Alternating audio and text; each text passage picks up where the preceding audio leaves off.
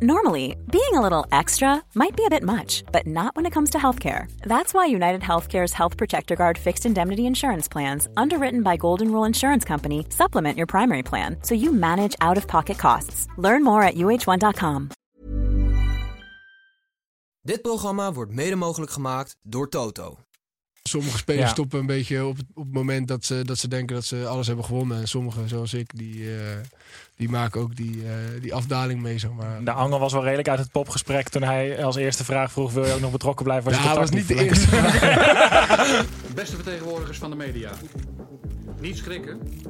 Vitesse gaat vanaf nu voor de landstitel. Dat zijn er vier en dan die drie is zeven. 21 is vijf. Groningen speelt twee keer 5-1 verliezen. Waarom stel je dan deze vraag? Ben ik nou degene die zo slim is of ben jij zo dom?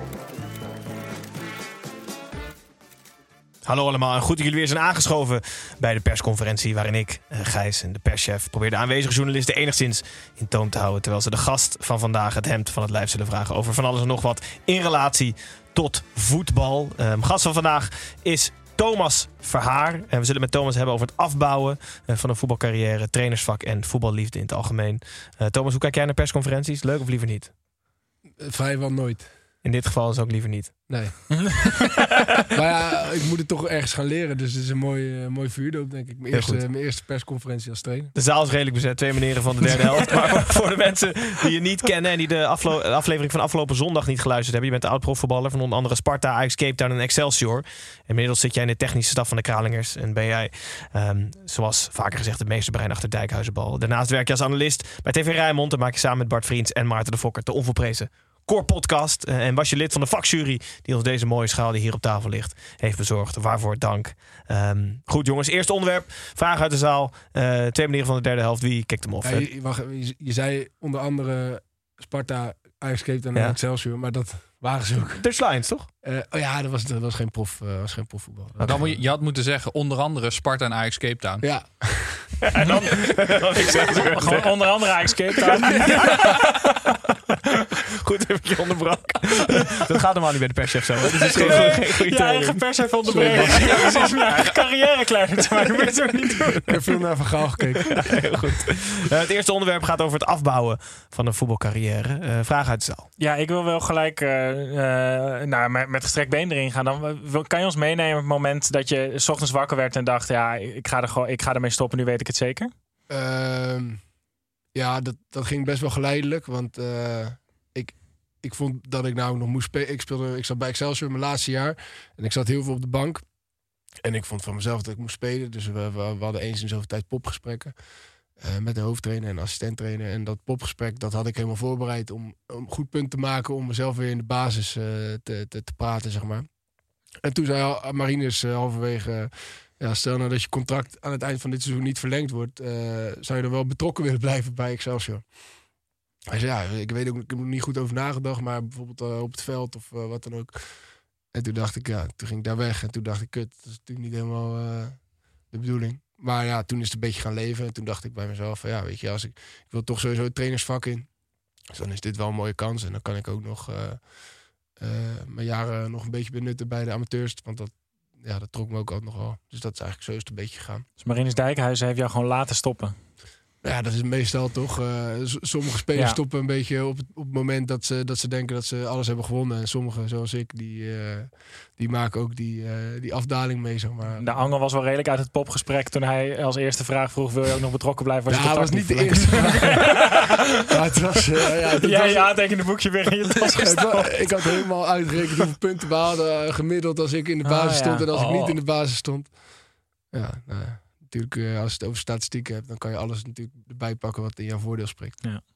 Wat mis je het minst aan, aan het leven als profvoetballer of het profwereldje? Het minst. Ja.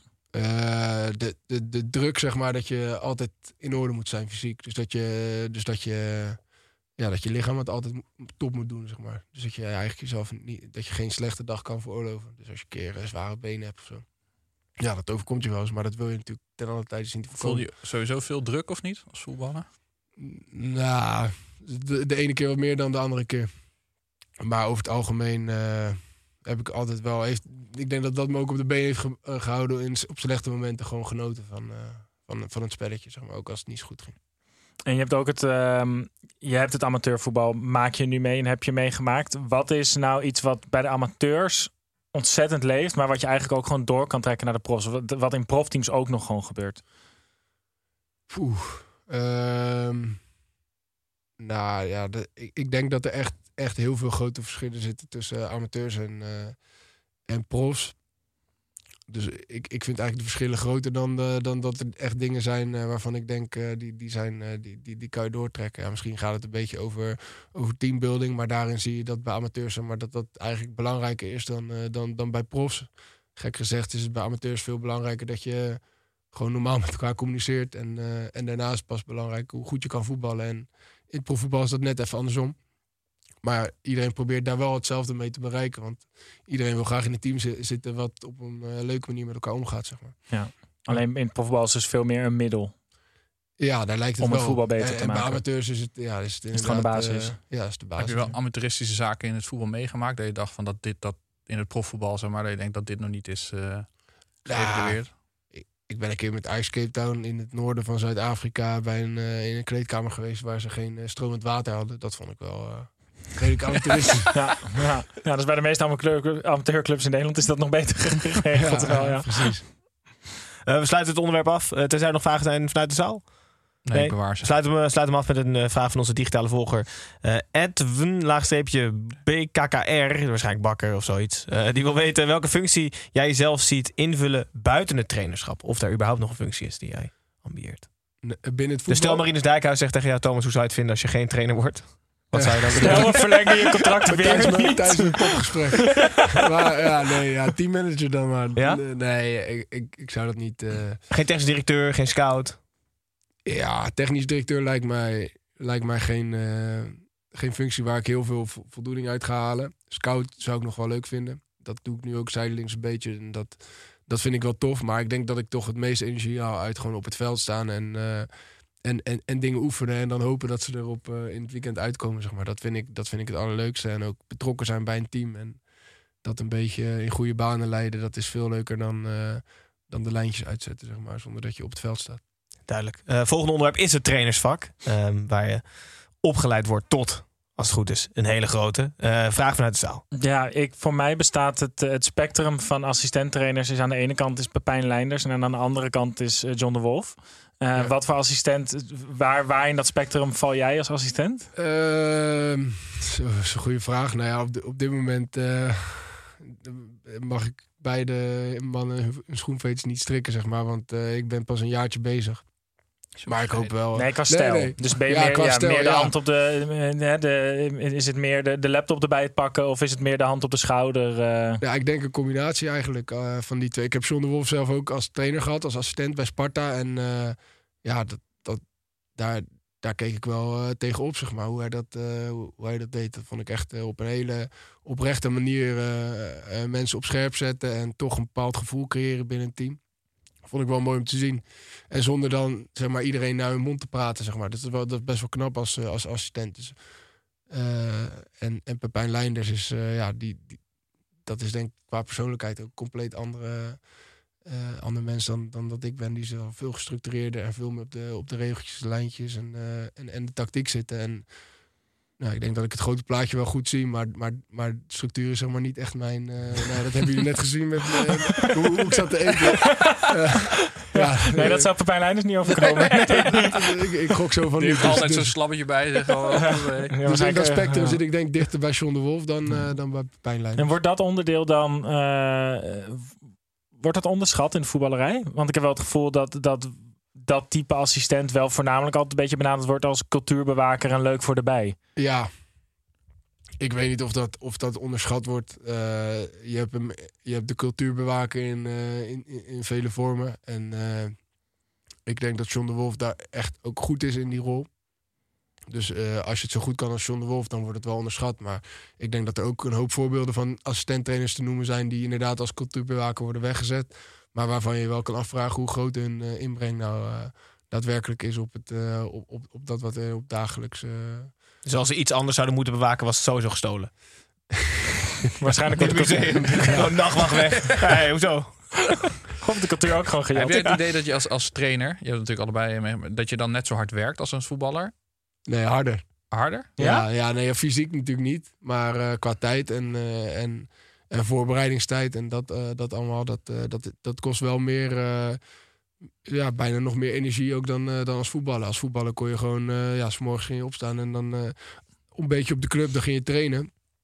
En dan had je getraind, ging je weer naar huis. En als trainer dan ben je en al een stuk eerder op de club om bepaalde dingen voor te bereiden. En ja, meestal blijf ik ook nog, omdat, omdat er altijd wel iets te doen is. Je, je kijkt de training terug, dus je bent sowieso al bijna twee keer zoveel tijd kwijt dan, eh, dan als je zelf speelt. Neem je het ook meer mee naar huis? Maar heb je het idee dat je nu meer druk voelt of meer het idee hebt dat het in je hoofd zit? Nou ja, niet, niet meer druk, want, eh, want het voelt totaal niet als werken voor mij op dit moment. Maar ik, ik doe wel veel meer thuis nu dan dat ik als, eh, als voetballer deed. ja.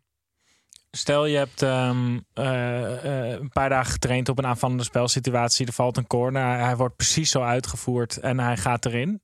Hoe, hoe verhoudt het gevoel wat jij dan op de tribune hebt zich tot het zelf maken van een doelpunt? Ja, dat is niet zo heel verschillend. Nee? Nee. Nou ja, scoren blijft natuurlijk het, het allermooiste wat er is. Want eh, ja, zelfs, eh, ik speel nu vierde divisie zelfs. En speelde vorige week een oefenwedstrijd tegen een tweede klasse. En toen scoorde ik twee keer. Ja, dat blijft zelfs tegen tweede klasse, zeg maar. eh, zo, ja, niet, niet om vervelend te doen tegen tweede klasse. Maar, de, Maar die kunnen er goed blijft- kut van. maar dat blijft gewoon het mooiste. Maar eh, ja, dit, dat, dat is ook wel echt vet. Maar ook wel Als je- juichen op de tribune, zo'n molenwieker uit of zo. eh, over die tribunes heen. Ik was sowieso nooit zo'n eh, nooit zo'n hele uitbundige juicher. Dus eh, nee, alleen, een handje voor je mond, ik, ik, vingertje voor je mond. ik, ik weet nog Met wel. zo'n je op de perstribune. Ja, ik, ik weet nog wel dat ik, dat ik zeg maar dat. Ik kreeg zo'n eh, taakomschrijving van Marines eh, toegestuurd aan het begin van het seizoen. En daar stond in één keer een spelvatting aanvallend ook bij, zonder dat hij me daarop had voorbereid. Zo, zei, ja, dat lijkt me wel goed eh, om- voor jou om dat te doen. Zie je dat zitten? En, en toen speelden we onze eerste wedstrijd tegen Cambuur, competitiewedstrijd dit seizoen. En toen hadden we een, een, eh, een aftrap ingestudeerd. En dat vond ik echt tering spannend, man. De- voordat die wedstrijd ging beginnen, zeg maar. Dus zat echt mijn hart gewoon letterlijk in mijn keel. Dus dat is wel, eh, ja, dus, dus je beleeft de wedstrijd toch wel. eh, Eerlijk. En krijg je de vrijheid daarin? In, in gewoon creatief Ja. daarmee... eh, ja, ik krijg, ik, eigenlijk kan ik gewoon doen wat ik wil. En hoor ik het alleen als het, als het of heel goed gaat of eh, als het. Thomas, we hebben nu al 2,5 jaar geen corner gescoord. Ja, ja, we, staan, we staan redelijk. eh, we, we, doen, we, doen het wel, eh, we doen het wel goed hoor. Qua, qua de, laatste wedstrijden is het een beetje stilgevallen. Maar daarvoor eh, hebben we echt veel gescoord uit. eh, en dan hoor je het ineens. Maar ja, het is ook. En is het dan is het, gewoon- is het veel wedstrijden kijken, inspiratie op doen, YouTube-filmpjes? Hoe, hoe zit het in je eigen hoofd? Wat, hoe gaat dat in zijn werk? Nou ja, ik wil het ook niet groter maken dan dat het is. Dat, dat vind ik ook wel belangrijk. Want je bent natuurlijk van. Je kan, ik vind het vooral wel belangrijk om het redelijk simpel te houden. Dus en om de tegenstander ergens mee te verrassen. Maar ook dat je niet allemaal moeilijke varianten gaat doen. Want ja, we zitten bij Excelsior. Stel je gaat tegen Excelsior of tegen Feyenoord een moeilijke variant doen. Dan is de kans natuurlijk vrij groot dat eh, dat, dat ergens een keer misgaat. Dus ja, gewoon, gewoon een paar hele simpele afspraken. Ja. En dan wel kijken waar je de tegenstander zeg maar, op hun zwakste plek kan, eh, kan Ja. raken. En dat, eh, en dat lukt de ene keer beter dan de andere keer. Maar ja, als je bijvoorbeeld iemand hebt die niet zo goed kan trappen, dan ben je natuurlijk al de lul als je. ja, Ben je redelijk afhankelijk. ja, ja, ja. Dat is vrij belangrijk. Dus ja, de- ja, weet je. En ik moet er ook bij zeggen, ik zei net van ja, we hebben best wel wat gescoord uit corners. Daarvan zitten bijvoorbeeld, eh, laten we zeggen, we hebben het acht keer gedaan. Daar zitten er ook drie tussen. Met corners, ja, die gewoon voorslingerden. En waarin eigenlijk totaal niks was afgesproken. Tenminste, van wat we hadden afgesproken. jij niks werd nagelezen. zat eh, te roepen. Ja, en dat hij er toch in ging, weet je wel. Ja, Ja. nou ja, dus, dus je moet ook- je dan ook? Hè? Nee, niet. Niemand weet dat. Dus, Jij weer met dat vingertje voor je mond ja, ja, ja, jij bent toch degene die spel van ja, dat ik ja. Heel goed, we sluiten het onderwerp af met een vraag wederom van onze digitale journalist Ruben.rvo. Die wil weten van welke trainer jij het meest geleerd hebt. Ja, dat is, dat is eh, Alex Pastoor wel geweest. Daar, eh, ja, dat was ook mijn beste tijd, maar da- daar had ik ook daar had ik de beste klik mee als trainer.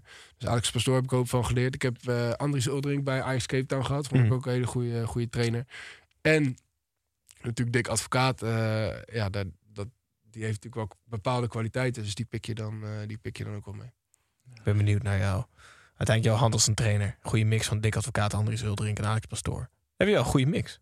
Als je die Ja, alle drie zou com- kunnen combineren. Eh, laatste onderwerp is voetballiefde in het algemeen. Een vraag uit de zaal. Eh, nou ja, wat wij sowieso altijd willen weten is wie je vroeger op het schoolplein was. Del Piero. Ja, dat ja. Eindelijk, eindelijk geen bergkamp. Ja. Ja. Maar als je rechts was geweest, was je Bergkamp geweest waarschijnlijk, of niet? Eh, Want de Pierre was ook rechts Ja. natuurlijk. Ja. Ja. dat maakt helemaal geen reet uit. Even perschef, blijf, blijf bij je lees. Ja, serieus. Een andere vraag nog uit de zaal? Ja, heb je, heb je nog een favoriete amateurkreet? Wij, wij gaan heel erg goed op eh, nu wij weer. Of, eh, Dat is, dat is Oh. misschien nog wel de link tussen amateurs en profs, toch? Dat, dat is aangemoedig in het veld. Dat ja, maar dan wordt, dan wordt, maar dan wordt toch bij Sparta, als er een corner tegenkwam, zei de keeper toch niet eerste paal, tweede paal mannetje? nee. Nou, nee. was het- Ja, dat gebeurt niet. Dat, maar de, de eerst paal, tweede paal, wat gebeurt er nog steeds? Bij de amateurs? Ja. Ja, dat hoor je echt nog wel eens langskomen hoor. Ja. Ja, ik vind weten- Hij niet, hij niet vind ik altijd. Ja, dat vind ik. Ze weten het niet meer. Vind ik ook wel lekker om in het profvoetbal erin te... Gewoon Excelsior Ajax. Ze weten het niet meer. Ja. Heel goed. Ehm, Oké, de laatste vraag uit, deze, uit dit onderwerp is van Mike VDL. Punt, laagstrepen. Die wil weten wat de mooiste wedstrijd is die je ooit gespeeld hebt. Misschien een klassieke vraag, maar... Ehm, ja, eh, Sparta Jong Ajax. Dat was onze kampioenswedstrijd. Op het kasteel was eh, veruit de mooiste wedstrijd die ik, eh, die ik heb gespeeld. Ja. Promotie naar Eredivisie. Ja, ja, en eindelijk weer kampioen na, na zes jaar in de, in de, in de Jupiler League. En dat was, ja, iedereen het veld op daarna. En, ja, dat was wel echt bijzonder, man. Daar kwam echt een hoop eh, emotie los, ook bij het publiek en bij onszelf. Want het was voor ons ook een eh, beladen seizoen, zeg maar. Dus dat was, eh, ja, was echt vet. Vet om mee te maken. Duidelijk. En misschien afsluitend daaraan, we vragen het aan iedereen, maar misschien een mooi lijntje nu. Hoe ziet jouw ideale derde helft eruit? Nu hè, dan wel. Nu de vierde divisie, VOC, je hebt net gewonnen. Ja, of, of dus eh, assistent Excelsior, Ja, wedstrijd Drie, drie gewonnen. corners, drie corners erin. Ja. Allemaal jouw eh, ideeën. Wat ga je doen? Wat ga ik doen? Ja, de, mijn ideale derde helft is wel gewoon eh, met een aantal teamgenoten gewoon eh, goed, eh, goed doorzakken. En, eh, en het mooiste is als het, eh, als het dan op zaterdag of zo is, dat je dan nog met z'n allen de stad in, eh, in kan gaan. En eh, ja, dat, Naar de witte, de wit. ja, bijvoorbeeld. Maar van gehoord. Veel gelezen. Hij zou graag een keer gaan we mee. Zet je, zet je zo weer uit te nodigen. Oh, ja, heb ik al zo gehoord. Ja.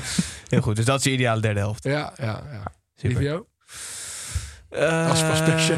Als perschef, perschef derde helft. Deze, deze deze- op zitten er een paar shakes, boekje Ja. erbij. En, eh, spinazie quinoa met vier kip. De was ophangen. lekker, lekker vroeg de mand En in. lekker vroeg het bed in. Om de volgende dag daarna weer Oh, ik zou heerlijk. zo graag willen dat het Vol een grap was, maar het is echt waar. Nou, ja, maar wij sluiten slagen. ons wel aan bij jouw derde Ja. helft. Ja. eh, Deze kant van de tafel. Ik doe de deur wel open als jullie terugkomen. Oké jongens. Uh, Thomas, superleuk dat jullie was op woensdag. Ehm, succes de komende periode bij Ja. Excelsior. Standaard situaties. We houden ze in de gaten. Thanks. Jongens, eh, journalisten, dankjewel dat jullie waren. Kijkers, luisteraars, bedankt voor het insturen van de vragen. Eh, bedankt voor het kijken of luisteren. En hopelijk eh, tot de volgende, is aanstaande zondag. Dag.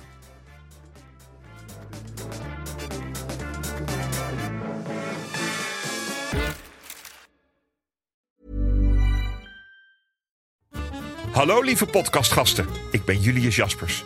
In mijn podcast neem ik jullie mee naar mijn favoriete plek in huis, de voorraadkast. Iedere week haal ik er één product uit en zal jullie daar in een paar minuten tijd alles over vertellen. Zoek in je favoriete podcast-app naar Julius Voorraadkast. Kast met een K, want uit een kast met een C kun je niet eten.